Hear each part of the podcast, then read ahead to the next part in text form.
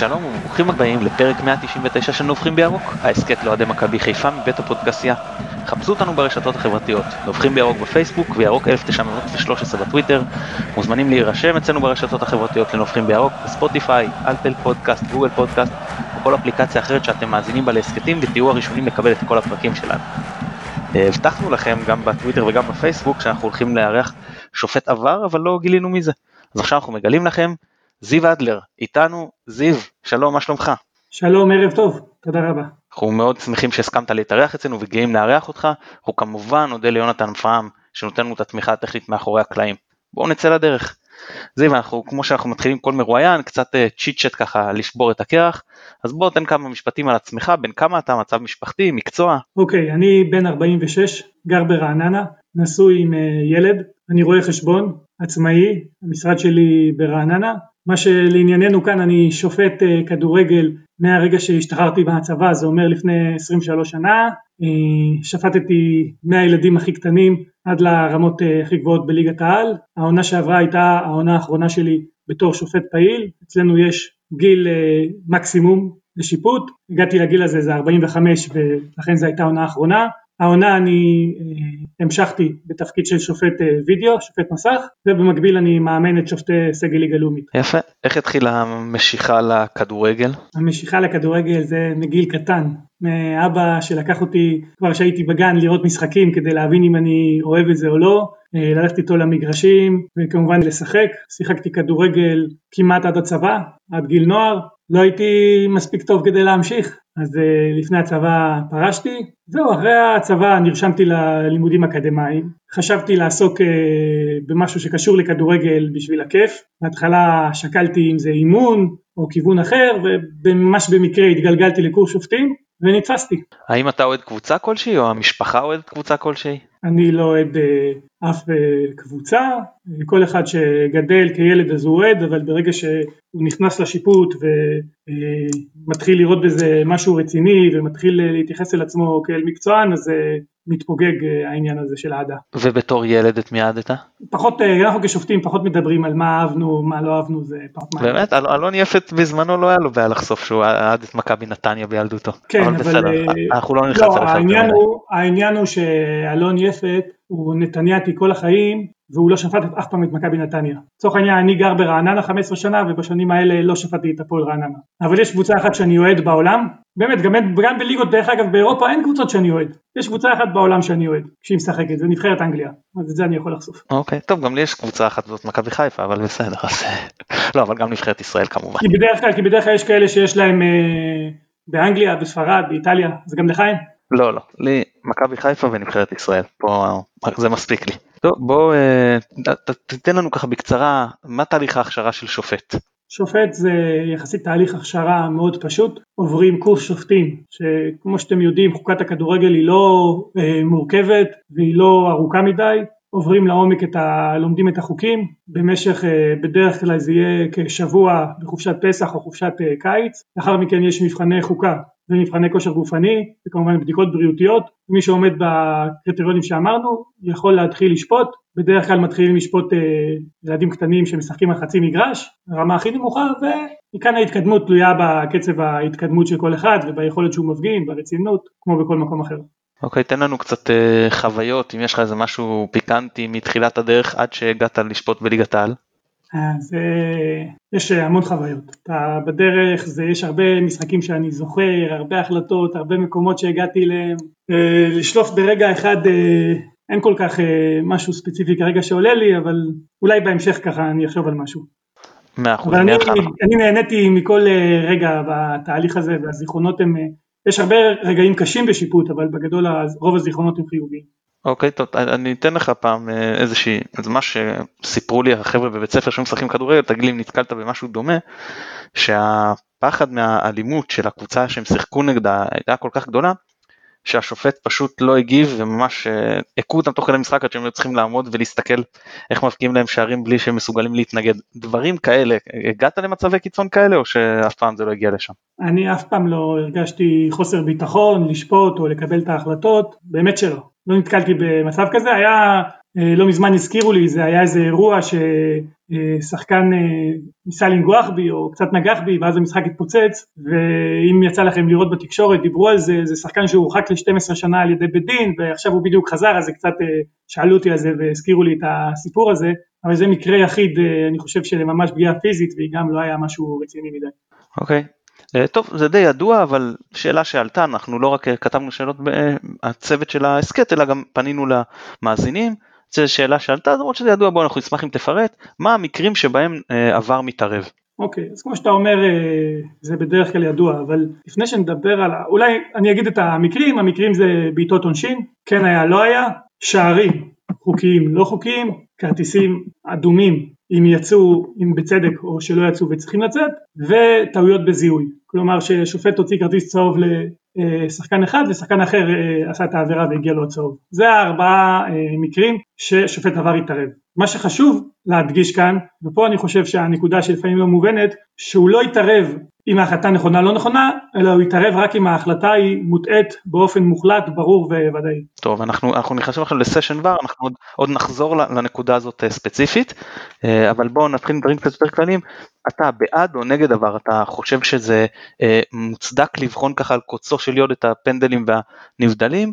והאם אתה חושב שבכללי עבר עוזר לשופטים או מכשיל אותם? אז קודם כל אני בעד עבר, אני בעד הטכנולוגיה, אני חושב שמי שמתנגד לטכנולוגיה ולהתקדמות בעולם שלנו אז הוא נתקע מאחור, אני חושב שזה היה צורך של הכדורגל העולמי לנוכח הכסף הרב שמושקע והעניין המטורף אה, להשקיע כמה שיותר משאבים כדי שהשיפוט יהיה יותר מדויק והאמת אה, תצא לאור יותר פעמים. אז אה, אין ספק קודם כל שאני בעד, אני חושב שזה כלי שיכול וחייב לעזור לשופטים, אם אתה שואל אם כל דבר צריך לבדוק על קוצו של יוד, אז יכול להיות שזה, אנחנו נדבר על זה ב... איך אני רואה את התפיסה ומתי צריך להשתמש בעבר ומתי לא ונגיע למסקנה שלא, לא כל דבר צריך לבדוק אה, על קוצו של יוד אבל דברים קריטיים וטעויות ברורות חשוב מאוד שנדע לנקות אותם באמצעות עבר. כשופט אה, לשעבר אה, אני יכול להגיד לך שיש מספיק החלטות שלי אחורה שאני מסתכל עליהן היום ואם היה מישהו שיכול לתקן אותי בזמנו והיינו מתקנים וישנים טוב את השבוע שאחרי המשחק הייתי מאוד שמח, אני חושב שזה צריך להוריד אבן גדולה מהלב של מי שעולה לשפוט, מי שעולה להיות על הקו כעוזר שופט. במשחקים שהם יודעים שחס וחלילה יעשו טעות קריטית, יש מי שיתקן ולא הטעות הזאת תכריע גורל של אליפות, ירידה, גביע, שבגדול זה חייב להיות משהו שהוא חיובי לשופטים וככה אנחנו צריכים להתייחס לזה. אוקיי, okay, אה, תקן אותי אם אני טועה, אבל לפי שיטת הניקוד, אם השופט קיבל החלטה נכונה אז כמובן שלא יורד לו ניקוד, אם הוא קיבל החלטה שגויה ועבר תיקן אותו, הוא, הוא קיבל כאילו את התיקון של עבר אז יורד לו חצי או חמש נקודות או משהו כזה, ואם העבר אמר לו משהו אחד והוא פעל למרות זאת הפוך וזה יתברר כטעות אז יורד לו עשר נקודות או ניקוד מלא אם אני טועה פה בניקוד המדויק. אה, א' האם זה אכן המצב? ואם כן אז אה, האם אתה חושב שזה משפיע על הנטייה של שופטים לשנות או לא לשנות החלטה? ולמה בעצם לא להתייחס לזה כמו שהכוון, הרי אם הכוון מסמן נבדל, השופט לא ראה נניח, הכוון מסמן נבדל, שופט שרק, מצוין, הכוון תיקן אותו, עזר לו, איך שלא נקרא לזה, ולא יורד בגלל זה לשופט, לשופט אה, ניקוד. למה כשהשופט המסך מתקן אותו אז כן צריך לרדת לו ניקוד? אוקיי, okay, אז קודם כל אה, טכנית אתה תיארת את, את זה די נכון. זאת אומרת אם שופט אה, קיבל את כל ההחלטות נכון אז לכאורה בוא נגיד שלא יורדות לו נקודות על אה, טעויות קריטיות. אם הוא היה צריך ללכת לבר, כלומר הוא במגרש עשה טעות קריטית והוא הלך לבר ותיקן אז ירד לו ואם הוא הלך לבר לא תיקן וגם טעה בבר וגם טעה במגרש אז ירד לו כפול. אם לא תיקן וצדק אז כמובן שלא עשה טעות ולא יורד לו. זה מאוד טכני. קודם כל בוא נבין שמי שקובע את שיטת הציונים זה לא אצלנו בישראל. אנחנו מבוססים על שיטת הציונים אחד לאחד שעובדת בוופא ובכל המפעלים של וופא. זאת אומרת כשאתם רואים שופט, שופט בצ'מפיונס ליג עם מערכת העבר או במונדיאל או ביורו זה בדיוק אותה שיטה. אנחנו לא קובעים את השיטה של הציונים איך הם יהיו איך הם לא יהיו או למה אם העוזר אומר אז לא יורד או כן יורד. שורה תחתונה אני מאמין שכששופט מגיע למגרש הוא רוצה לקבל את ההחלטות הנכונות, כשקוראים לו לבר הוא רוצה לקבל את ההחלטה הנכונה.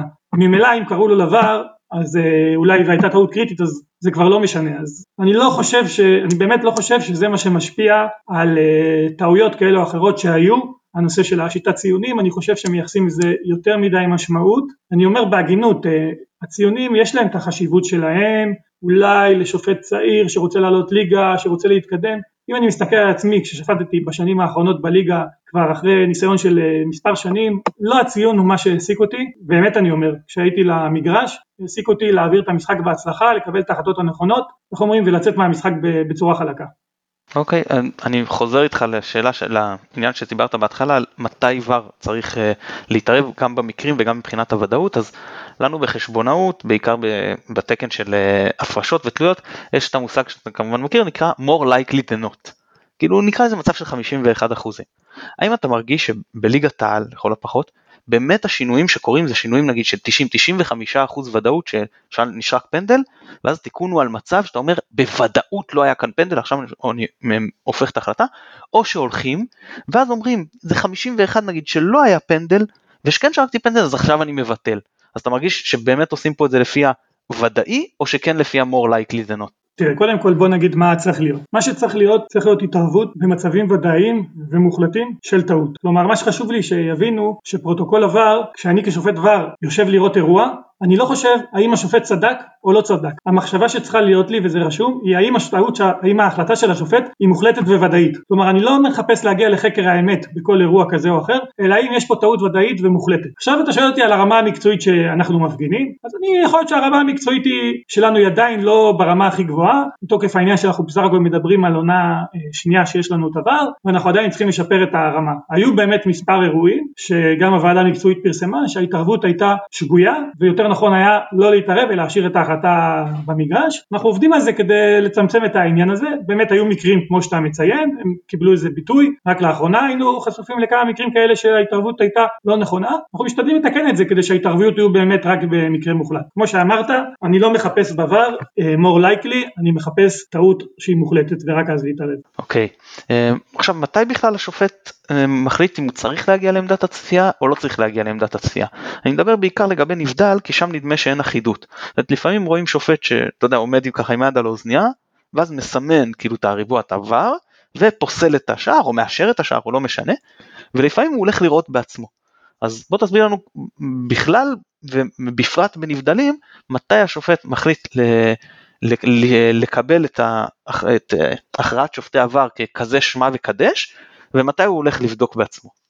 מעולה. קודם כל לתהליך הזה ששופט הולך לבדוק על המסך הקטן שיש במגרש קוראים במונח המקצועי OFR שזה אומר on field review שהשופט הולך לפתוח צפייה במגרש. עכשיו הפרוטוקול עבר קבע באיזה מקרים יהיה on field review ובאיזה מקרים לא יהיה. אבל הוא לא הגביל, כלומר הוא אמר ברמת התיאוריה בכל המקרים השופט יכול ללכת לראות, אבל יש מקרים, זאת אומרת, יש מקרים שהוא חייב ללכת לראות, אם השופט לא ראה אה, פנדל והשופט כבר חושב שיש פנדל ודאי, השופט לא יכול לשרוק את הפנדל הזה מהמגרש אלא הוא חייב ללכת לראות, זאת אומרת יש חבילה סגורה של אה, דברים שחייבים ללכת לראות ויש חבילה שלא צריכים ללכת לראות, עדיין ברמה התיאורטית אפשר, עכשיו איזה חבילה לא צריכים ללכת לראות, החבילה שלא הולכים לראות זה חבילה של דברים עובדתיים, מקרים עובדתיים שקרו, מה זאת אומרת מקרה עובדתי שקרה? שחקן שהיה היה בעמדת נבדל באופן ודאי, קיבל את הכדור והפקיע, זה השופט לא צריך לראות. שופט ששרק לעבירה מחוץ לרחבה ובאופן ודאי הייתה בתור הרחבה, הוא לא צריך לראות, הוא יכול אה, פשוט להסתפק אה, ב-VAR only זה נקרא, במקום יש OFR ויש VAR only, זאת אומרת רק המלצה של עבר. לגבי נבדלים, יש באמת שני מקרים.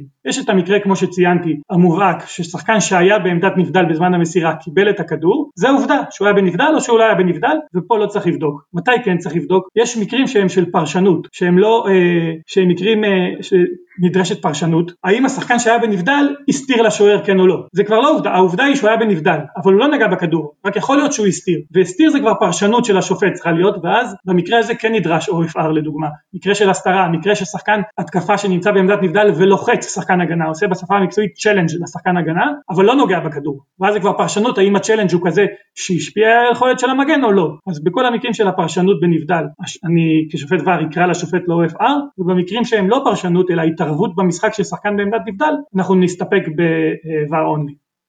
יפה, אז פתרת לנו את הסוגיה הזאת. אה, אני, יש מצבים נגיד שנשרקת קרן שלא הייתה, ואחרי זה מובקע שער.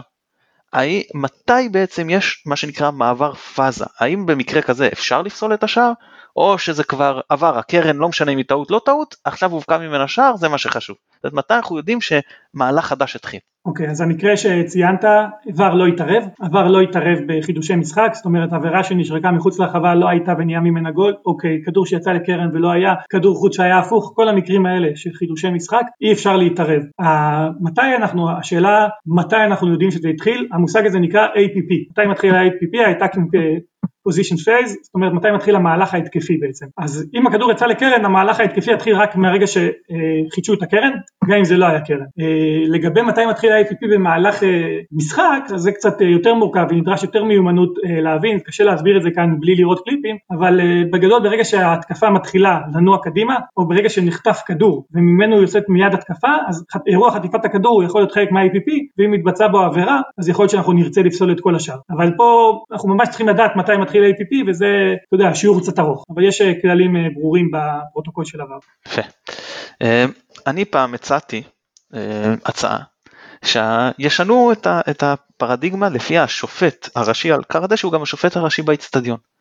בסופו של דבר יכולים לקחת שופטים כמוך שמעבר לגיל שהם מסוגלים, לא, לא יודע אם מסוגלים, אבל ש, שייחדו לתת להם לרוץ על המגרש ולשפוט. הם יכולים לשבת ככה בעבר, דופק נמוך, יותר מנוסים, יותר מכירים, יכולים להתמחות בעניין הזה. אה, הקהל, מה שנקרא בשפה יפה, לא משגיח במשלח יד עימם, אה, והם יקבלו את ההחלטה וינחיתו לשופט, יגידו לו, יש פנדל, אין פנדל, יש אדום, אין אדום, שער וזיהוי, בלי שהוא יהיה לו בכלל say בנושא, זאת אומרת הוא שרק ואז אומרים לו, אוקיי, אתה צודק, אוקיי, אתה טועה, תהפוך את ההחלטה, וזהו. מצד אחד זה, זה גם יוריד אה, זמן משמעותי שאנחנו יודעים שזאת אחת הבעיות, ו- אומרת, למה לא בעצם, האם אתה תומך בזה או שנראה לך שלא, מי שעל המגרש הוא חייב להיות השופט הראשי גם באצטדיון.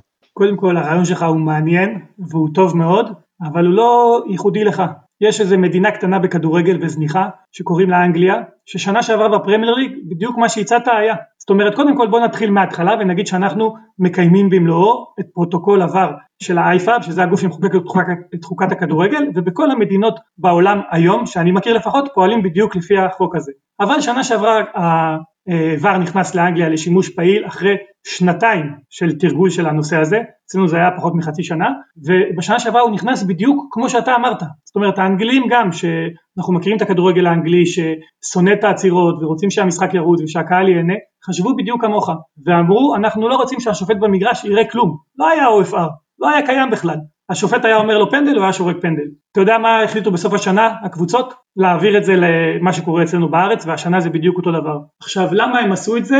כי היו הרבה תלונות של הקבוצות על זה שיש איזה מישהו שיושב שם אה, בלונדון מרחק אה, מאות קילומטרים והוא לא מרגיש את המגרש והוא לא יודע מה נכון היה להחליט באותו רגע והוא עושה את זה מאוד תאורטי ורצו שאותו שופט שכולם רואים בעין שהוא זה שרץ והוא זה שמזיע והוא זה שהחליט על הפאולים מחוץ לרחבה הוא גם זה שיחליט מה זה פאול בתוך הרחבה. כי יכול להיות שהערכה הרי למה אה, אומרים שזה פרשנות, אני, כמו שאמרנו, אם זה משהו עובדתי, אני לא צריך לקרוא לשופט, אבל לפרשנות כן, כי מניחים שיכול להיות שבפרשנות שלי הרף עבירות טיפה יותר גבוה או נמוך, אבל אותו שופט במגרש רוצה שיהיה לו רף אחיד, ועכשיו פתאום כל העבירות בחוץ לרחבה הוא לוקח, אבל בתוך הרחבה ייקח מישהו אחר, אה, ועוד מכל מיני סיבות החליטו שם, שהרעיון, למרות שהרעיון שלך נשמע מצוין, להם החליטו שזה לא מתאים, והיום אין אף מדינה בעולם שפועלת, לפחות לפי מה שאני יודע, שפועלת אחרת ממה שאנחנו עושים, ואתה רואה את זה בצ'מפיונס, ראית, ביור, ראית במונדיאל, תראה גם ביורו, בדיוק את אותה שיטה.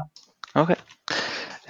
מציינים שמערכת עבר לא מתפקדת טוב בקריית שמונה, אז אם תוכל לציין מה ההבדל בין האיצטדיון הזה לשאר האיצטדיונים, והאם אין טעם לפגם ופגיעה באחידות השיפוט בכל הליגה כשאיצטדיון אחד הוא כל כך שונה. תראה, קודם כל, אה, בוא נשים רגע את האיצטדיון בצד ונדבר בכלל. מערכת עבר תלויה בכמות המצלמות שיש לשופט ור. ככל שיהיה לנו יותר מצלמות, יותר זוויות, מצלמות דרך אגב גם ברזולוציה יותר גבוהה ומצלמות אה, סופר, אה, סופר סלואו וכן הלאה, אז מן הסתם נוכל לקבל אולי החלטות ברמת דיוק יותר גבוהה. עכשיו, לא רק למה אתה אומר שבקריית שמונה זה אחרת, אני אגיד לך שגם במשחק המרכזי, נניח שיהיה ביום שני בין מכבי תל אביב ומכבי פתח תקווה, שאני אהיה שם כשופט ור, יש הרבה יותר מצלמות ממשחק אה, אחר שיהיה ביום שבת, זאת אומרת, אה, אז זה גם כן לא שוויוני, אז קודם כל אנחנו תלויים במה שנותנים לנו ואנחנו צריכים להתמודד עם זה בצורה הכי טובה שיש, אבל יש משחקים בליגת העל שמשודרים עם 14 מצלמות ומשחקים שמשודרים עם 6 מצלמות, אתה מניח, כל, כל אחד יבין שבמשחקים עם 14 מצלמות כנראה יהיה מענה יותר מיטבי לכמות אירועים שיכולה להיות בכל מיני נקודות שונות במגרש וזוויות שונות וכן הלאה, אז אנחנו כשופטי ור הפרוטוקול חייב מינימום 4 מצלמות את זה יש, אנחנו עובדים עם מה שיש. כמו שאמרתי לך, יכול להיות שברמה המקצועית בטוח, ברמה המקצועית אנחנו צריכים להשתפר בשני דברים אם תרצה אחר כך לדבר עליהם, גם ברמה הטכנולוגית אנחנו כשופטים, מביא, אה, איגוד השופטים מבין ומנסה לדרוש את זה לעתיד, לשנים הבאות, ככל שעמדות הצילום במגרשים יהיו יותר טובות וככל שיהיה יותר אה, מצלמות, זה יעזור לנו, זה ברור. אוקיי, ציינת את שני הדברים, אז בוא בוא תפרט איזה שני דברים מקצועיים אתה חושב שצריך להשתפר בהם.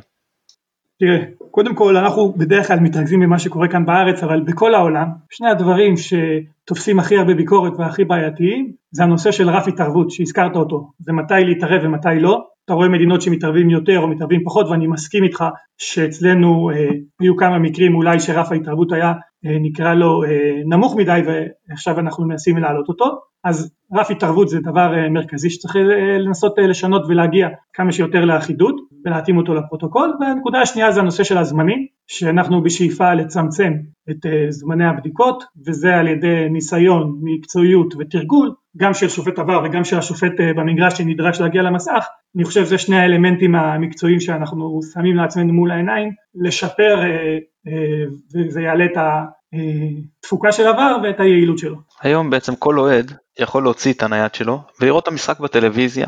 עכשיו תסביר לי למה כשעוצרים עכשיו לבדוק את עבר לא מקרינים את הבדיקה, מה שהשופט רואה, על גבי המסך באצטדיון. זאת אומרת בלאו הכי כל אוהד יכול להוציא את זה ולהסתכל בעצמו. זה לא קצת מגוחך שעדיין יש פה איזושהי הסתרה ולכל הפחות אם לא עושים את זה למה לא לכתוב מה נבדק כי הרבה פעמים האוהדים אני זוכר מקרה שהיה לנו באיזה משחק נגד בני יהודה שבסופו של דבר נשרק פנדל ואדום למבוקה. עכשיו אין בעיה אם אני לא נכנס להחלטה, נכנס לזה שבמשך דקות ארוכות לא ידענו בכלל על מה השופט מסתכל, לא, לא הבנו שזה הסיפור. אוקיי, okay. אה, אז קודם כל, כחלק מהתפקיד, אה, לי כשופט ור יש בכל משחק עוזר שופט ור. אחד מהתפקידים המרכזיים של העוזר זה לידע באופן מיידי כשהמשחק נעצר לאותה בדיקה והשופט מסמן על האוזן, אתם מכירים את הסימן? לידע את הבמאי, מה אנחנו בודקים. אוקיי, ואני תוך כדי הזה שאני אומר ואני מכריז שאני צ'ק פנדל, אני אומר לו תוודא שתגיד לבמאי שאנחנו אה, בודקים פנדל. ואז בדרך כלל אתם גם רואים את הכתובית על מסך הטלוויזיה. אני במשחקים של המשחקים, בוא... אז קודם כל, קודם כל בזמן שיש ור אתה כבר לא במגרשים, לצערנו, הלוואי ואני מאחל לנו שתהיה כמה שיותר מהר למגרשים, כי זה יוסיף הרבה יותר עניין לליגה, אבל זה כבר בעניין קורונה.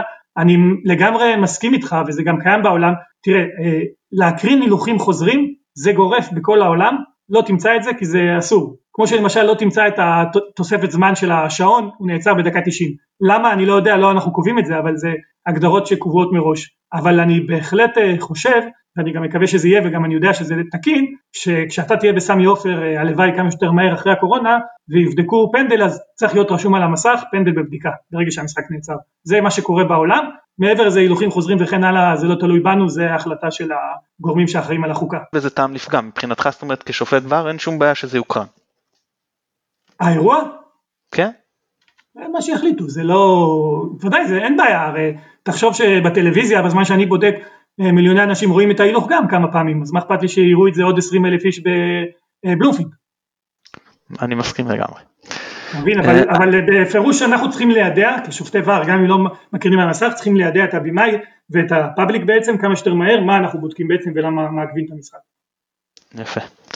האם לדעתך יש מקום בעידן עבר לשנות את חוק הנבדל? כי עכשיו, אתה יודע, זה כבר ממש הולך על אה, לפעמים הכרעה של אה, מילימטרים שאולי בעין בלתי מזוינת אפילו אי אפשר אה, אה, לקלוט. נניח, במקום שזה יהיה הקו האחרון של ההגנה, נקרא לזה הקו הראשון, בסדר? כאילו, שהקצה של השחקן התוקף יהיה עם, הקצה האחורי של השחקן התוקף יהיה עם איזשהו שחקן הגנה או השחקן השני, כן, לפי החוקה, אה, ולא הקצה הקדמי שלו. סתם לדוגמה, או מרכז מסה, אז אחד, האם אתה חושב שבעידן עבר יש מקום לשנות כדי שיותר יתאים לרוח של החוק אה, הנבדל? והדבר השני, האם בכלל הכוונים יוכלו לשפוט משהו אחר, כשהם מסתכלים שהוא לא רק קו הגנה אחרון. תראה, זה בערך כמו שתשאל שוטר, מה דעתך אם בכביש הזה ייסעו 100 או 110, ואז הוא יגיד לך, תשמע, לא אני מחליט, אני אמרו לי למדוד פה שלא עוברים את ה-90. אה, אני חושב שהנושא של נבדל בעידן עבר בהחלט אה, תופס אה, קצת משמעות אחרת, אני מעריך שהגופים שצריכים בודקים את זה, אני יודע שבצ'מפיונס ליג שיש להם טכנולוגיה תלת מימד יותר מתקדמת מהטכנולוגיה שיש לנו, אפרופו דיברנו על נושאים מקצועיים ונושאים טכנולוגיים אז נשמח גם אם את הנושא הטכנולוגיה הזה ישפרו ואני יודע שאיגוד השופטים עובד על זה, אז נתנו איזושהי הרחבה מסוימת לנושא של נבדל, אני לא אלאה אתכם בזה, לקחו את זה בחשבון ובאמת במהלך הזה שינו קצת את ההגדרות שם ואמרו יש קו אחד וקו שני, שוב לא ניכנס לרזולוציות, אז אל תתייחסו לקו הראשון אלא לקו השני, ניסו לעשות איזושהי הקלה ואיזושהי התאמה, אם גופי החקיקה יחשבו שצריך להתאים, אנחנו נתאים את עצמנו, אנחנו לא אה, קובעים את העניין הזה. לגבי עוזרים, אני חושב שהעבר מדגיש כמה התפקיד שלהם היה מורכב וקשה מלכתחילה, וכאן אתה יודע יש דברים שממש בVAR לוקח לבדוק אותם שתי דקות והם צריכים להחליט בשנייה, אה, מה שידרשו מהם הם יצטרכו להתאים את עצמם, אתה יודע, אין דרך אחרת. אולי בכל זאת אה, מילה קטנה, משפט אחד על הקו ראשון קו שני, כי אני מודה שאני לא הכרתי את זה. אה, זה קצת מורכב אבל בגדול עזוב את ההנחיה בגדול, ב, נניח שאתה רואה, את ה, אתה רואה בארץ הטכנולוגיה שיש לנו היא, היא כאילו דו מימד ואז אתה רואה קו אחד שהוא קו האחרון של ההגנה, וזה הקו שממנו אני מחליט האם אני צריך להחליט לפי הקו הזה האם התוקף נמצא מעבר לקו או מאחרי הקו.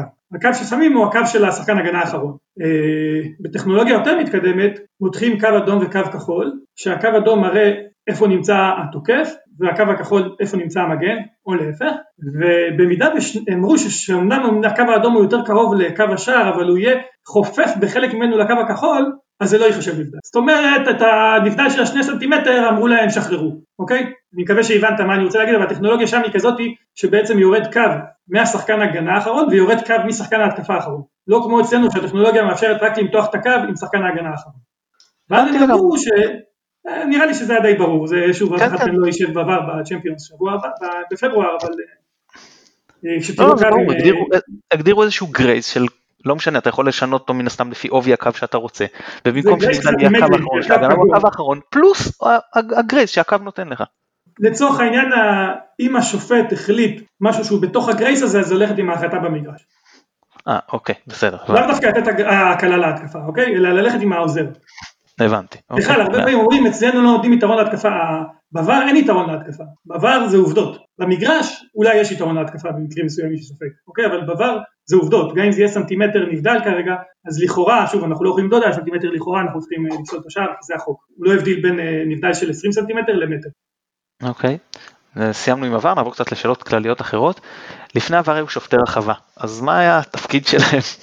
אה, שואלים אותנו מלבד להיראות מרוכזים מאוד, כי הם היו תמיד זה, מהי בעצם חלוקת האחריות, איפה הגריזרה שלהם, קודם כל אנחנו מדברים על משהו שהוא כבר פרה-היסטוריה, לא קיים ולדעתי לא יהיה קיים. בגדול אני חושב שאני מסתכל על שופטי הרחבה כסוג של אבולוציה של השיפוט והתפתחות שהייתה מ...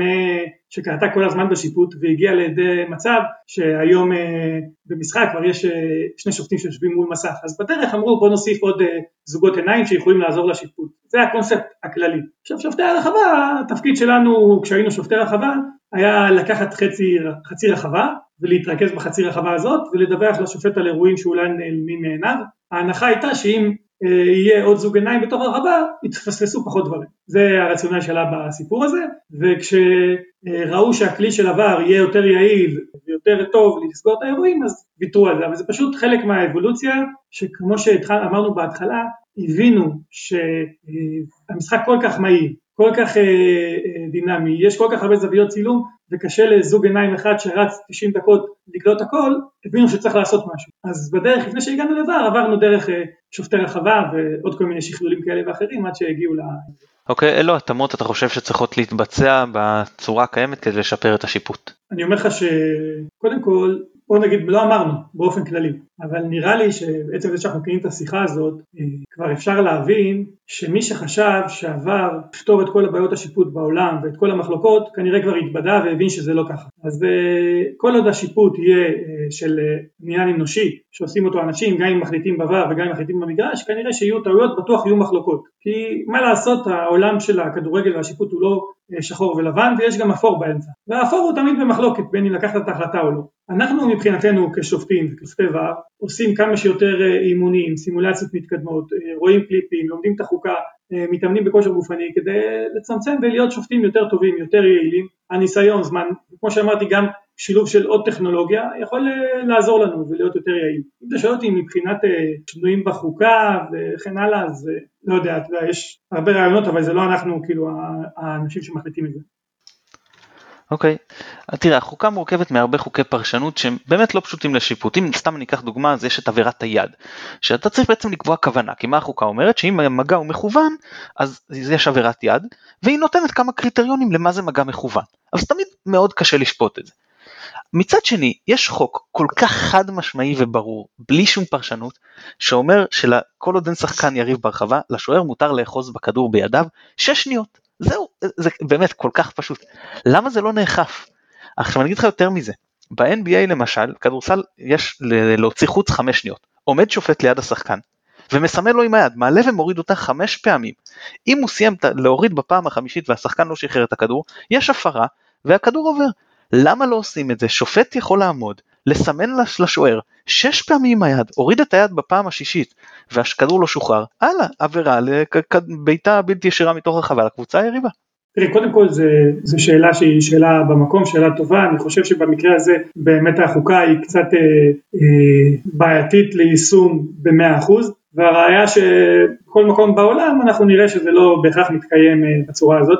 עם זאת אני אישית בעד שבמקרים אה, חריגים שבהם שוער לא משחרר את הכדור אה, מספיק מהר, שישרקו לשרוש השווית לשרוק נגדו. לי, אני הייתי זוכר לפחות בשני משחקים שנשרקה השריקה הזאת, היא לא שגרתית, היא לא קלה גם ליישום אחר כך באירוע בתוך הרחבה, אבל אני בעד שיש משהו קיצוני, ייקחו אותו. למה בעצם? למה לא ש... שזה יהיה לפי החוקה? כאילו, אם, כמו שאמרת, אתה אמרת על, על, מקודם על דברים מסוימים, אנחנו אין לנו מה לעשות, ככה החוקה אומרת, זה אייפאב, זה מה שנקרא גזרה מלמעלה, לא משנה מה אני רוצה. זה לא אותו דבר, זאת אומרת, אין פה אייפאב החליט 6 שניות, זאת הגזרה, צריך לפעול לפיה. אין, אין, אין, לה, אין לה שופטים, אה, בוא, אנחנו גם, גם ברמה של הפרשנות של החוק וההחלטות, אנחנו מתבססים על אה, אה, מארזי קליפים של הדרכה שנקראים ראפ של אה, מאות קליפים שמגיעים פעמיים בשנה ואומרים מה לעשות. אה, ואם יש נושא מסוים למשל שאתם מרגישים אותו עכשיו אני רואה גם בכדורגל בארץ וגם בכדורגל העולמי ששמים עליו יותר דגש שם אז גם שמים את זה בארץ כאן. למשל הנושא של שוערים שלא יצאו מקו השער בזמן בעיטות עונשין. ויש הנחיות מאוד ברורות לשופט ולשופטי עבר מתי יתערב באירוע הזה ומתי לא ספציפית על השאלה ששאלת אין הנחיות אה, ברורות אה, להתערב ולהקפיד על אה, קוצר של יוד ולפעמים אנחנו באמת רואים, באמת רואים שזה אה, עובר את הזמן המותר. אני רוצה לשאול אותך לגבי פגיעות ראש. האם יש, ראיתי, האמת, לפני, אני אפילו לא זוכר כמה שנים, זה היה סתם, זה היה משחק של הפועל באר שבע, שבמשחק אה, היה, הייתה פגיעת ראש, אבל מצד שני הייתה התקפה מבטיחה זה קטן עליה, מה שנקרא. אה, אני אפילו לא זוכר אם היה שם שער בסופו של דבר או לא, אני חושב שלא, זאת הייתה התקפה מאוד מסוכנת והשופט בחר לא לעצור. האם יש מקרים שההנחיות הן בניגוד כנראה לכתוב בחוקה, למרות שיש פגיעת ראש, נותנים להתקפה להגיע לסופה? בגדול, במקרה שיש פגיעת ראש או פגיעה חמורה מאוד אחרת, חס וחלילה אתה מזהה ששחקן שבר רגל עכשיו, אתה יודע, באיזה אירוע מזעזע, אז ההנחיה היא לעצור את המשחק באופן מיידי. עכשיו אם מישהו קיבל, עכשיו פגיעת ראש זה אה, מושג רחב, זה יכול להיות אה, חס וחלילה בן אדם שקיבל אה, אה, אגרוף לפנים, לבן אדם שהכדור פגע בו, לבן אדם שקיבל אצבע לעין. כל אלה הם פגיעות ראש. עכשיו אני עדיין מצפה משופט במגרש שיהיה לו שיקול דעת כזה, שאם כמו שאמרתי מישהו בטעות קיבל, נכנסה לו אצבע של שחקן יריב לעין וכואבת לו העין והוא כופף ותופס את הראש והשחקן עומד עכשיו מול שוער, אני לא חושב שמישהו מאיתנו ירצה שהמשחק ייעצר. אז אני כן מסתובב, ואם הוא יעצור ויגיד לי הייתה פגיעת ראש, אני אגיד לו אוקיי, אולי הוא באמת קיבל מכה קטנה בעין, אבל אני הייתי מחכה כמה שניות כדי לראות שלא יהיה כאן גול ואז עוצר. אז uh, אני חושב שלמרות ההנחיות שאמרתי לך שהן ברורות, פגיעת ראש או זה, או uh, פציעה מאוד מאוד חמורה לעצור באופן מיידי, אני תמיד אומר שבסוף לשופט יש שיקול דעת במגרש להחליט, ואם בעוד כמה שניות uh, יהיה כאן עכשיו uh, שער אז אולי uh, שווה לחכות במקרים מסוימים, אני מצפה מהשופט שלא יהיה רובוט ושיפעיל את הראש שלו וישתמש בראש, זה מה שאני השתדלתי ואהבתי לעשות כששפטתי, להשתמש בראש כמה שיותר למקרים מורכבים, מקרה כמו שתיארת הייתי מצפה שימשיך, אבל בגדול כן ההנחיה היא לעצור. אוקיי, okay. אה, uh, יש, החוקה אומרת, מגדירה מהי אזהרה, אזהרה היא כרטיס צהוב. מה למה השופטים משתמשים בטושבה הזאת של להזהיר שחקנים בעל פה מה שנקרא סדנת חינוך. החוקה לא מכירה בכלי הזה, החוקה אומרת אתה רוצה להזהיר שחקן, תוציא לו כרטיס צהוב. מאיפה נולד העניין הזה שמתחילים אה, להרצות לשחקנים? קודם כל, יש שינוי מאוד יפה ומיוחד בחוקה האחרונה, שהתחילה באה לידי ביטוי ביולי 20, והשינוי בחוקה הזה הכניס כן את הנושא של אזהרה, הוא הכניס את הנושא של אזהרה בנושא מאוד, בנושאים מאוד ספציפיים, אבל הוא כן מדבר על נושא של אזהרה. משהו שהרבה לא יודעים, כששוער יוצא מחוץ לקו ועוצר את הכדור, את הפנדל, אני מדבר כרגע בבעיטות עונשין, בעבר זה היה כרטיס צהוב ברגע שהוא יוצא, פעם שנייה שהוא יוצא כרטיס אה, צהוב שני ואדום. עכשיו החוקה אומרת בפעם הראשונה תיתנו לו אזהרה, שים לב אזהרה בעל פה ורק בפעם השנייה אם יהיה עוד פנדל אחר כך או בפנדל החוזר הוא יעשה את זה אז רק זה יהיה כרטיס צהוב. אז פה פעם ראשונה שהגדירה אזהרה ויותר מזה היא אמרה שאם הוא כבר הגיע עם אזהרה לבעיטות הכרעה האזהרה תתבטל והוא יקבל בפעם הראשונה עוד פעם אזהרה. אז זה ככה כנקודה מעניינת. מעבר לזה גם החוקה מדברת ברגע שהיא הכניסה את הנושא של הענישה לבעלי תפקידים אז אנחנו רואים עכשיו הרבה כרטיסים צהובים ואדומים לבעלי תפקידים, אני מתכוון לאלה שיושבים בספסל או שחקנים, אז החוקה גם התייחסה לנושא של אזהרות בעל פה לבעלי תפקידים. זאת אומרת יש אזהרות בעל פה, מה זה, צהובים מה זה ואדומים מה זה. עכשיו אם תיזכר אחורה אמרתי שהעולם של השיפוט בעיניי לפחות הוא לא מתחלק לשחור ולבן. זאת אומרת אם אני רואה עבירה מסוימת אני יכול להגיד לך אוקיי זה צהוב מנדטורי או שזה עבירה בלי כרטיס אבל בהחלט יש מקרים שהם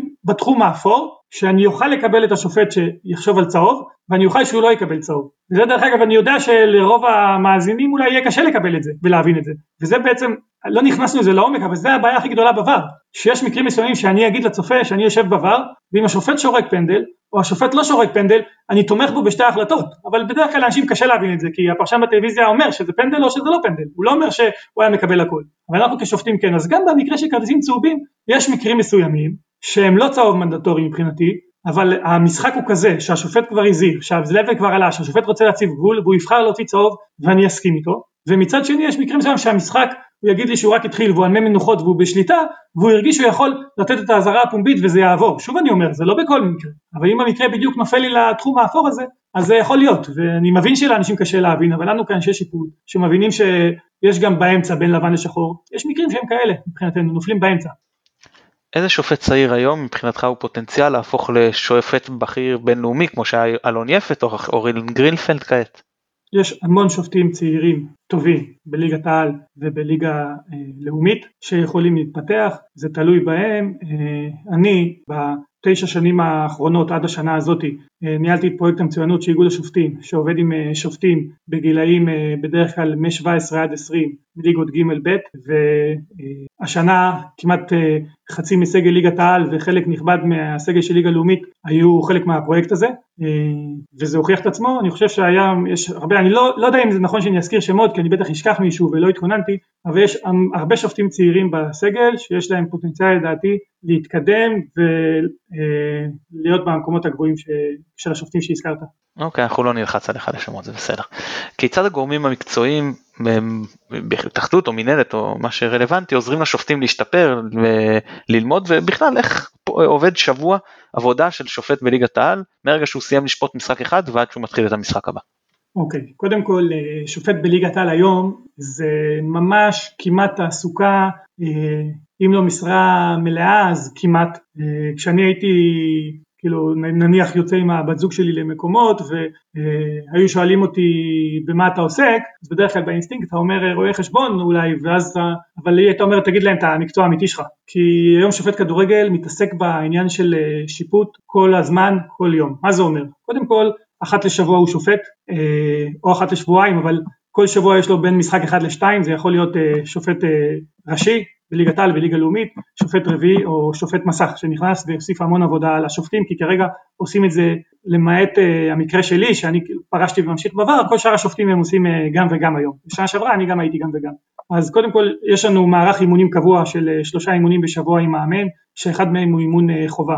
יש לנו כל שבוע כנס מקצועי עם מאמן השופטים, אני מאמן שופטי ליגה לאומית, אני מעביר לליגה לאומית, יש לנו מאמן אה, של שופטי ליגת העל, מעביר לנו את הכנסים אה, של ליגת העל, יש לנו אה, מעטפת של פסיכולוג שעובד עם השופטים בליגת העל, אז אתה נפגש איתו שוב בתדירות של הצורך שכל אחד. יכול להיות פעם בשבועיים, פעם בשלושה שבועות, הכנה למשחקים, ניתוח של אירועים במשחקים, דרכים שהוא צריך ללמוד ולשפר לעצמו, יש לנו מעטפת של מעשה שעובד איתנו קבוע ואנחנו יכולים לקבל עיסויים במהלך השבוע, זה אומר לעבור על המשחק שעשית בשבת, לנתח את האירועים, לחתוך וללמוד, זה אומר הכנה למשחק הבא שלך, לעבור על המשחק האחרון של הקבוצות, ללמוד איך הם משחקים, מה קרה, איזה אירועים מיוחדים היו, מה המקרים ותגובות שיכולים להיות במשחק, להיות בקשר עם הצוות שלך, שהיום זה לא רק שני עוזרים, זה שני עוזרים, זה שופט רביעי, זה ור, לעשות את כל התיאומים שצריך לפני המשחק, זה מעבר לקטע הפיזי שאוקיי שופט מתאמן חמש פעמים בשבוע שש שעות זה הרבה הרבה הרבה שש שעות סך הכל כן? זה הרבה הרבה יותר מזה כל, ההתס, כל המסביב וכל ההתעסקות עם השיפוט. שלא לדבר על זה שחלק גדול מהשופטים נוסעים למשחקים בחו"ל ומשחק בחו"ל זה כמה ימים וזה הכנה לפני וזה התאוששות אחרי זה אתגר רציני מאוד לשלב את זה עם העבודה הנוספת שיש לשופטים ושופטים צריכים לדעת כמו שדיברתי איתך אוף דה רקורד לפני כן לבחור לעצמם את העיסוק שיתאים לדרישות האובססיביות שיש היום משופט כדורגל. טוב שאלה לא פשוטה אני הולך לשאול אותך. מה דעתך על דבריו של שופט העבר שי שטרית על החלטתם של דניאל בר נתן ושניר לוי בהקשר של הפנדל על מתן חוזז? בעצם כשאנחנו הולכים למשחק יכולים לקבל טעויות גם משופטים גם משחקנים הכל בסדר אני תמיד אומר שטעויות זה חלק מהמשחק ו- ומיותר להתבכיין גם על השיפוט וגם על שחקנים והכל לזה. אבל אה, הנחה אחת היא הנחת תום הלב. הרי בלי הנחת תום הלב אז זה, זה ראסלמניה, זה כאילו זה מבוים.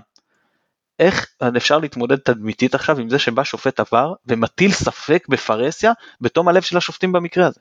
אני לא מקבל את אה, מה שנאמר שם, אני 23 אה, שנים באיגוד השופטים, תאמין לי שאני סמוך ובטוח שכל משחק שאני יצאתי אליו עם הצוות שיצא איתי, לא משנה באיזה תפקיד או באיזה תפקיד אני הייתי, אני בטוח ויודע שכל אחד עשה את המקסימום לטובת הצלחת השיפוט באותו משחק, לקבל את ההחלטות הנכונות, להעביר את המשחק בשלום.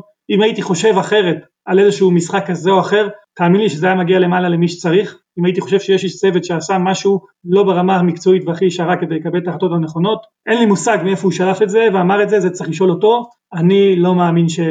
בטח לא במקרה הזה, ובכלל ברמות הגבוהות מהידע שלי, מההיכרות שלי, אני לא מאמין שיש דברים כאלה, וכל עוד מישהו לא מוכיח אחרת ורק יורה את זה באוויר אז אין מה להתייחס יותר לפי דעתי. מאה אחוז. אני אתן לך מקרה, אני לא רוצה לדבר על המקרה הזה, רק נביא אותו כדוגמה, היה, אם אני לא טועה, אתה שפטת משחק שלנו נגד מכבי תל אביב ושלפת אדום למיכיל קרמר על, על דברים שהוא אמר, ואחרי זה, עזוב מה נאמר בדיוק, הוא טען ש, שניתן שהוא אמר fuck it's offside, ונגיד המילה הזאתי, היא מקבלת משמעויות שונה, שונות, במשמעות שונה בשפות שונות.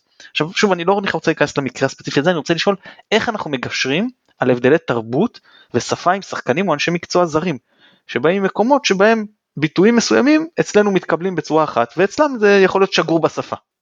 קודם כל אני לא זוכר, את המקרה שתיארת הוא נכון, אבל אני לא זוכר הרבה מקרים כאלה שהיו. זאת אומרת אני חושב שגם אם נתאמץ מאוד לא נמצא עוד הרבה מקרים שכתוצאה מזה שמישהו הגיע ממדינה אחרת הוא לא הבין או לא ידע או קיבל כרטיס כזה או אחר. בגדול לגבי הסעיף של, הסעיף של העלבת שופט, הרי בכרטיס אדום מוגדר העלבת שופט. העלבת שופט אין איזה ספר או מילון שאני אפתח אותו ואני יכול לתת את זה לשחקן ולהגיד לו תקרא את כל זה, כל הביטויים האלה זה כרטיס אדום אבל הביטויים האלה זה כרטיס צהוב. יש דוגמה אחרת למשל גם במקרה שלי ואין לי בעיה להגיד את זה, אני הוצאתי כרטיס אדום לאיתי שכטר במשחק של מכבי חיפה שהוא אמר לי, פשוט זה פורסם אז אין בעיה להגיד את זה, שהוא אמר לי צא גבר תן לי צהוב. הייתי, הייתי גם במשחק הזה, זה הרבע גמר גביעת אותו נגד מכבי פתח תקווה אם אני זוכר נכון. יכול להיות, כן, אתה צודק. ואז עכשיו מה שאני רוצה להגיד ששואלים אותי על המקרה הזה אז אמרו לי מה צא גבר זה כאילו כרטיס אדום אז אני מנסה להגיד שאין לי איזה בא אוצר מסוים ואני פותח ואני בודק צא גבר זה כרטיס צהוב וצא אישה אולי זה היה כרטיס אדום או צא משהו אחר שאני לא אגיד עכשיו זה כן. זאת אומרת יש סיטואציה מסוימת, יש גם את הטון של הדיבור, יש את, ה, את הצעקה, את הזיזול, את העלבת שופט זה משהו ששופט צריך להרגיש במגרש, אני אישית מאמין ששופט צריך להציב את הגבולות וצריך קודם כל לדעת מה הגבול שלו, זאת אומרת מה הוא מוכן לקבל ומה הוא לא מוכן לקבל, בניגוד למה שאולי חושבים, אנחנו כשופטים מוכנים לקבל הרבה, לפעמים אפילו אולי יותר מדי, ואני חושב ששופט צריך לה... שיהיה ברור מה הקו, עד איפה הוא מוכן להגיע, מה הוא מוכן לקבל ומה הוא לא מוכן לקבל, כנראה שבאותם מקרים שהחלטתי להרחיק, זה לא היה מקרים יחידים כמובן, במקרה, ציינו פה היו עוד מקרים, שזה המקרים שעברו את הגבול שלי, שאני הייתי מוכן לספוג באותו אירוע. אני לא כל כך באמת, אני לא כל כך חושב שזו הייתה הסיבה שם של אי הבנה שהשחקן הגיע מארץ אחרת, עובדה שזה לאו דווקא דבר שחוזר על עצמו ואנחנו זוכרים כאלה עוד אירועים. כלומר אתה לא חושב שההבדל התרבותי איזושהי בעיה אה, מאוד משמעותית בסדר אגב אני, אני לא זוכר אם זה היה דני קורן או מאיר לוי אחד מהם פעם אמר ש, שהשופט לא צריך לשמוע את כל מה שאומרים לו אני לא מדבר על החלטה ספציפית הזאת אני מדבר על הקו שאמרת שהשופט מציב אז בהקשר הזה אני, כאילו אני מחזק את דבריך שהוא אמר שלא כל דבר השופט צריך לשמוע. אני מסכים, לא כל דבר צריך לשמוע, יש הרבה דברים שאנחנו, אני טוען ששופט צריך שתהיה לו אה, כמו מסננת כזאתי, והאופי של האחורים זה תלוי באישיות שלו ותלוי בניסיון שהוא מפתח, אבל בהחלט יש דברים שצריכים אה, לעבור לידו ולא לשמוע אותם, ויש דברים שאי אפשר להתעלם מהם, וגם זה גם לפעמים תלוי איך זה נאמר ומי רואה, אבל כששחקן רץ אליך, סתם אני כדוגמה אומר לך, כששחקן רץ אליך במרחק של 20 מטר, מצמיד את הפנים ואומר משהו, זה קצת יותר קשה להתעלם מכשמישהו נותן את הגב וזורק משהו ורק אתה והוא יודעים שהוא זרק, סתם כדוגמה אני נותן לך, אז צריך גם לראות איך הדברים נראים ומצטיירים כלפי חוץ, כי בסוף יש לשופט אוטוריטה מסוימת, ואם יבוא מישהו ירוץ, יצעק, ושחקנים סביב ישמעו מה הוא צעק והשופט לא הגיב, אז יכול להיות שזה יפגע לו אחר כך בניהול המשחק ובקבלת ההחלטה. אוקיי, אני אתן לך עוד דוגמה שממנה אני אשאל שאלה, פעם לא משחק שלך. היה, אם אני זוכר נכון, זה היה נגד הפועל באר שבע, המשחק שלנו בעונה שעברה, ונטע לביא רצה לקבל צהוב כדי שהוא יממש את ההרחקה מהצהובים, את הייתה ההרחקה השנייה, אחרי שהוא הפסיד אה, משחק אחד נגד מכבי תל אביב, הוא רצה להיות בטוח שהוא לא מפספס עוד אחד. ואז אני שוב לא זוכר מי השופט, הוא עשה אה, שלוש עבירות של די ברורות של צהוב, עד שהוא אה, קיבל את הצהוב המיוחל נקרא לזה, וראו גם שהשופט מבין את הסיטואציה, אז בהקשר הזה אני רוצה לשאול כמה עושים הכנה לשחקנים ספציפיים, למשל שחקנים שאתה יודע שירצו לקבל צהוב, או שחקנים שהם אה, ידועים כי יש להם סטיגמה של צוללנים ברחבה, וכמה אתה חושב, אם בכלל השופט בכלל צריך להיכנס לזה, או שהוא רואה עבירה של צהוב, צריך להוציא צהוב, אותו לא מעניין השיקולים שמסביב. אוקיי, okay, אני אחלק את זה לשניים. אחד, בהחלט יש אה, הכנה ספציפית לאיזה שחקנים אתה הולך לשפוט. זה לאו דווקא, אתה אמרת את המילה צולייני, אבל אני אגיד שחקנים שתופסים, שחקנים שמשחקים עם הידיים, שחקנים שהם יותר אגרסיביים. אה, בהיבט זה בהיבט האישיותי דיברנו. עכשיו בוא נדבר על שחקן שיכדרר עם רגל ימין וייכנס לחווה ויגביה עם ימין, או שחקן שיחתוך שמאלה. אם אני אדע את התנועות שלו, אם אני אדע את הכיוון שלו, אם אני אדע אם הוא צפוי להרים את הבעיטה חופשית, אולי אני אתמקם אחרת, ואם אני אחשוב שהוא בועט לשער עם רגל שמאל, אני צריך לדעת עם איזה רגל הוא בועט, אני צריך לדעת אה, איך הוא מרים את הקרן ומה הקבוצה עושה בקרנות, ואיזה שחקנים אולי אה, אה, דוחפים את השוער, עושים חסימה וכן הלאה וכן הלאה. זאת אומרת, אני מאוד מאמין בהכנה, כמה שתתכונן יותר למשחק, תכיר את השחקנים, תכיר מה הם עושים, אז תהיה יותר מוכן, לא בעניין של תבוא עם דעה קדומה, אבל בעניין שתבוא פשוט מוכן אה, לתרחישים שיכולים לקרות. לגבי השאלה של הצהובים, דווקא פה אני הייתי מעדיף ששופט יבוא נקי ולא יחשוב רגע לנדווד יש אה, כרטיס, אם הוא יקבל כרטיס צהוב בחצי גמר צ'מפיונס הוא לא ישחק בגמר וזה ישפיע על ההחלטה שלו למשל או משהו בסדר. עכשיו שחקנים שמנסים לקבל צהוב בכוונה בראייה שלי ומבחינתי כשופט אני לא רוצה להתעסק עם העניין הזה אם שחקן מקבל, עושה פעולה שמחייבת מבחינתי כרטיס צהוב אז אני לא אגיד לשופט שלי שהיום אני מאמן אותו אל תוציא לו צהוב כי זה צהוב בכוונה אבל אם הוא לא בועט את ה... אם הוא לא מוציא חוץ שתי דקות איזה נשק יש לי שיוציא חוץ? אני אתן לו צהוב כן אני מצפה שאם השופט חושב שיש פה אירוע לא ספורטיבי יציין את זה בדוח כן אני מצפה מהמערכת ככלל שאם היא מזהה אם כולם רואים את הדבר הזה אז שהמערכת תפעל. אבל אני בהחלט לא רוצה ש...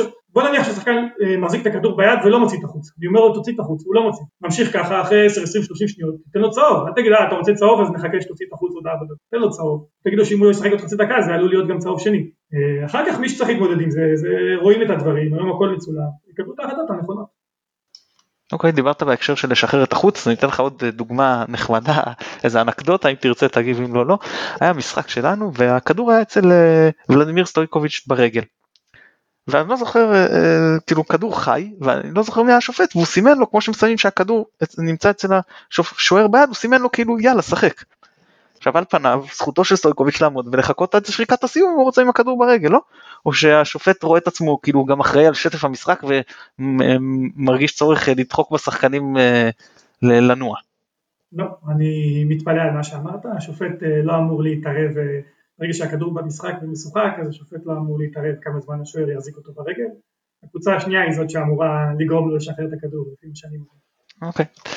האם מבחינת ההכנה למשחק יש הבדל בין משחק אה, ליגה רגיל נקרא לזה לבין משחק עונה, משחק אליפות, גמר גביע או גם מבחינת השריקות שאתה חושב שאתה או שופטים אחרים יקבלו במהלך המשחק? כן, ההכנה של שופט, כמו של ספורטאי, אני מניח שהיא די רוטינה שהיא סדורה ורגילה, זאת אומרת אני לא מדמיין שלברון ג'יימס אם זה חצי גמר פלייאוף יתכונן אחרת מאם זה משחק בליגה, מניח שהוא יישן אותו דבר, יאכל אותו דבר, יעשה את האימון הגופני אותו דבר. ברור שאם זה משחק בסדרי גודל שאמרת, אתה יודע, לקחת נגיד גמר גביע, גמר גביע שופט בדרך כלל ישפוט פעם אחת בקריירה, פעמיים בקריירה, זה המשחק הכי גדול, אני זוכר את הגמר גביע שאני שפטתי אז לא, אני יכול להגיד לך לפי הספר זה בדיוק אותו דבר, אבל לא, ההתרגשות היא קצת אחרת, פרפרים קצת אחרת, אבל עדיין הרציונל לעשות מה שאתה עושה, מה שעשית עד היום במשחקים שהביאו אותך לשפוט את המשחקים הגדולים, כנראה שכדאי לך להמשיך לעשות את זה גם בהכנה למשחק הזה, ויש סיכוי טוב שתצליח. אז בגדול מנסים לעשות אותו דבר,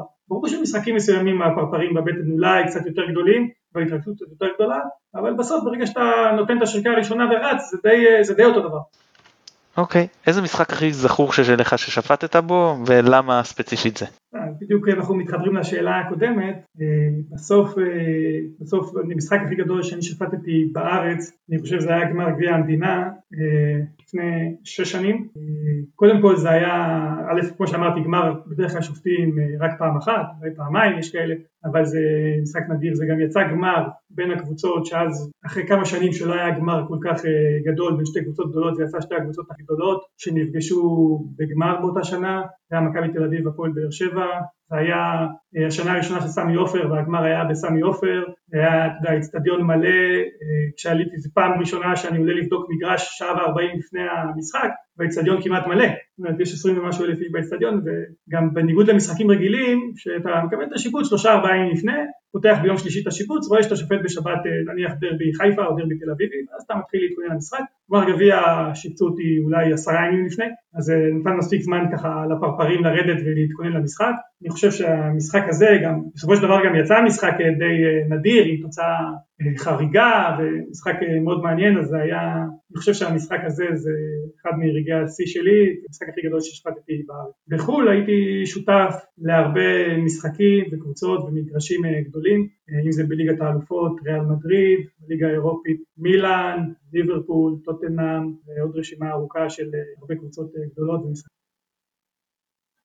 אוקיי, האם אתה חושב ששופטים עושים יותר כבוד לכוכבים או שחקנים ותיקים, למשל צהוב שהם מהרו לשלוף לשחקן צעיר שזה עתה עלה מהנוער, יהיו יותר, היה יותר קשה על ההדק לכוכב ותיק? לא, אני לא חושב. אני חושב לפעמים אולי זה יכול להיות גם הפוך, כדי לא להראות שעושים חשבון, אז אולי הם מהרו להוציא צהוב לשחקן כזה או אחר. אני חושב בסוף עם הניסיון ועם ה... כמו שאמרתי, להשתמש בשכל, לראות את האירוע, לבודד אותו, לראות האם מגיע כאן כרטיס צהוב או לא, ולא להתייחס אם זה שחקן כזה או אחר, זה הדבר הנכון לשופט לעשות. אוקיי, okay. סטטיסטית בעולם, בעיקר אוריאל דסקל מביא סטטיסטיקות כאלה, יש יותר טעויות שיפוט לטובת הקבוצה הביתית. עד כמה אתה בתור שופט הרגשת שהקהל משפיע עליך? או צריך לנסות בכוח להגיד לעצמך שהוא לא ישפיע עליי, דברים בסגנון הזה. קודם כל זה כיף לשפוט עם קהל, וכשאני יושב היום בVAR או רואה בטלוויזיה את השופטים שופטים בלי קהל, אפילו שלפעמים המשחקים אולי קצת יותר קלים לניהול ושיפוט, ואני יכול לתת לך דוגמה לזה אחר כך, זה פחות כיף, זה פחות מעניין. אני חושב שחלק מהאדרנלין זה לעלות, לשפוט עם קהל שמגיב לאירועים, לשריקות, זה שומר אותך בפוקוס, זה שומר אותך חי, הרעיון הוא באמת לנטרל, לראות את האירוע כמו שהוא, לקחת אה, החלטות אה, אה, אמיצות. אני, אתה יודע, כשהתחלתי לשפוט אז אמרו לי, בליגת העל אז אמרו לי אה, אל תדפוק חשבון לקבוצות הגדולות, הם יסתדרו כבר לבד, אז אני לא אומר שצריך לעשות את האפליה לכאן או לכאן, אבל אני חושב לא להתייחס לקהל, לנטרל את העניין הזה. אה, הרבה פעמים שואלים אותי מה, צועקים לך, מה אומרים לך, מה, אומר להם בכנות, אתה כל כך רגיל לזה, לרעש הזה, לתגובה מכל שריקה שאתה לא שם לב, כבר חלק מה... זה חלק, זה חלק ממה שאתה רגיל לשמוע בכל שריקה, אתה יודע, הרבה פעמים אומרים לי, מה, היה, מה, דיבר, מה דיברת עם השחקן הזה? לא, לא, אני לא זוכר, אתה כל כך בתוך המשחק, כל כך בתוך ההחלטות, כל כך בתוך, תמיד בתוך המהלך הבא, מסתכל קדימה, שהרעיון הוא לא לתת לשום דבר להשפיע עליך. איך מחליטים באיגוד השופטים יהיו השופטים הבכירים זה כאילו ממש ניקוד של החלטות ותו לאו או שיש דברים מעבר וכמה תחרות היא חריפה. תראה, בכל משחק שיש מבקר לשופט המבקר השופטים נותן ציון לשיפוט, ציון לשיפוט דרך אגב בניגוד למה שחושבים, או כשבאים לראות שופט, כשאני הולך לראות שופט, אז נכון שבמדיה בסוף מסתכלים יותר, מתייחסים להחלטה כזאת או אחרת, היה או לא היה, אבל אנחנו מסתכלים על הרבה גם איכויות שיפוט שלפעמים אולי פחות שמים לב ופחות רואים אותה. בסוף המשחק יש ציון על אותו משחק לשופט, יש ועדה מקצועית שהיא עוברת, רואה שהציוד מתאים לביצועים במגרש, בסוף שנה יש טבלה של השופטים, יש את הנושא של ועדה מקצועית שיש לה השפעה על הטבלה של נניח 20%, יש איזשהו חישוב מתמטי ואז מיוצרת טבלה ולפי זה בדרך כלל השופטים יתקדמו מהליגות או ירדו מהליגות. בתוך הליגה עצמה יש יושב ראש ועדה מקצועית, יש משבץ, זה התפקיד שלהם, לשבץ את השופטים שביניהם הכי נמצאים בכושר הכי טוב, הכי מנוסים והכי יכולים לקחת משחקים, משחקים יותר גדולים או משחקים שהם אולי ביניהם קצת יותר קלים לשיפוט, זה כבר אחריות של מי שמשבץ באותה. עכשיו לגבי תחרות, אז במקום שיש פירמידה שהיא צרה ויש חבר'ה צעירים עם אנרגיה ורעבים ורוצים להתקדם, יש תחרות.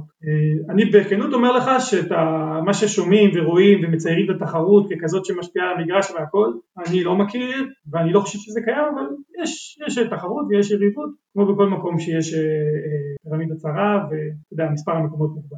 אוקיי, okay, יש מישהו מחוץ לאיגוד השופטים שיכול להתערב או במה שקשור לשיבוץ או לקידום של השופטים בהתאחדות, במינהלת, או שזה נטו רק של האיגוד? לא, זה נטו גוף עצמאי שצריך לקבל את ההחלטות בצורה עצמאית לגמרי לפי ההנחיות שיש בוופא, לעבוד בצורה מסוימת, יש לנו ביקורת איך אנחנו עובדים, איך אנחנו מקבלים את ההחלטות, איך אנחנו מדריכים את השופטים וזה גוף שלא יכול לסבול התערבות חיצונית אם זה בשיבוצים, בקידומים או משהו בסגנון הזה. טוב, כמה שאלות ככה יותר קלילות לסיום, אז אני מניח שהתפנה לך זמן מאז שהפסקת לשפוט, אמרת תמשיך כבר, אבל לשפוט במגרש, אז איזה תחביב אחר מצאת לך מאז הפרישה? אז זהו, שלא התפנה הזמן כל כך, כי א' עבר זה, לא אמרתי כמה אני אוהב את זה וכמה אני נהנה מזה, וכמה זה מאתגר ללמוד, לנתח את האירועים, בסוף כל שבת יש לנו עשרות קליפים שאני מקבל מהשופטים ששפטו ואני עובר על כל קליפ כדי לבדוק לא רק אם ההחלטה הייתה טובה או לא לקרוא, אלא איך העברנו את המסר לשופט, איך עבדנו מול הצלמים, באיזה זוויות בדקנו, זה כל כך עולם חדש ומורכב, שזה, אה, אה, משקיע בזה הרבה זמן. אמרתי לך שאני גם מאמן את השופטים של לאומית, אז ללכת מגרשים, לראות, לשבת לכנסים, לתדרך, כל אחד צריך נקודות אחרות לחיזוק, אבל אה, התחביב שלי נשאר נושא של ספורט, כושר גופני, לקום בשש וחצי בבוקר, לסמן וי על האימון ולצאת לעבודה, אז מבחינתי כושר גופני ואימון, כדורגל ושיפוט, זה התחביבים במהלך היום, בסוף היום להירדם עם ספר, זה פחות או יותר. אז ספר לנו איזה ספר טוב קראת לאחרונה. וואו, בוא נראה, ביום שהמוזיקה מתה, ספר שעכשיו לפני שבוע שבועיים קראתי אז הוא ככה עוד יושב לי אה, חזק, זה ספר של סופר ישראלי, מומלץ לנסות, מדבר על איזה אה, משהו סוג של בדיוני בעולם שבו אה, במדינה מסוימת אנשים יודעים מה התאריך אה, שהם הולכים למות בו ואיך זה משפיע על ההתמודדות שלהם עם החיים, הרבה חומר אה, ככה למחשבה על החיים שלנו. מעניין. מה התוכניות לעתיד בתחום של השיפוט, זאת אומרת להתקדם באיגוד, מעניין אותך להיות משבץ או משהו אחד הבכירים? אני קודם כל היום נהנה מאוד ממה שאני עושה, זאת אומרת אם אתה שואל אותי היום אני אגיד לך אני בתפקיד חלומות, גם כי ציינתי גם מקודם שאני אוהב לעבוד עם שופטים צעירים ולאמן והיום אני מאמן את שופטי ליגה לאומית, שזה הליגה השנייה וזה השופטים שבעתיד יהיו השופטים הבכירים ביותר מן הסתם בליגת העל, זה כיף לעבוד עם הדור הצעיר וגם לעשות את העבר. אז ככה שבטח בשנים הקרובות אני רואה את הייעוד שלי בשני התפקידים האלה. לגבי העתיד יכול להיות, יש עוד תפקידים מעניינים שאפשר לעשות, אני כרגע מתמקד בהווה, גם במיוחד בגלל שכמו שאמרתי אני מרגיש שאני ממש במקום טוב, מאוד נהנה. אוקיי, טוב, האמת שאני לא זכרתי שאתה שופט דבר, אז הכנתי לך ככה הימורים של אלופה, אירופאיות ויורדות, אבל אני מניח שבתור שופט דבר פעיל לא תרצה לקחת את ההימור הזה מוקלט. מניח נכון. אז אנחנו נוותר לך וניתן לך להיות האורח הראשון שלנו שלא לוקח הימורים בכלל. זיו אדלר, המון המון תודה שהתארחת אצלנו, היה לי לעונג. אני שמח, גם לי היה לעונג, עבר מהר. מקווה שמי ששרד איתנו עד כאן נהנה. גם אני. ושוב נודה ליונתן אברהם שנותן לנו את התמיכה הטכנית מאחורי הקלעים. אני הייתי מתן גידור, תודה רבה שהאזנתם, ביי ביי.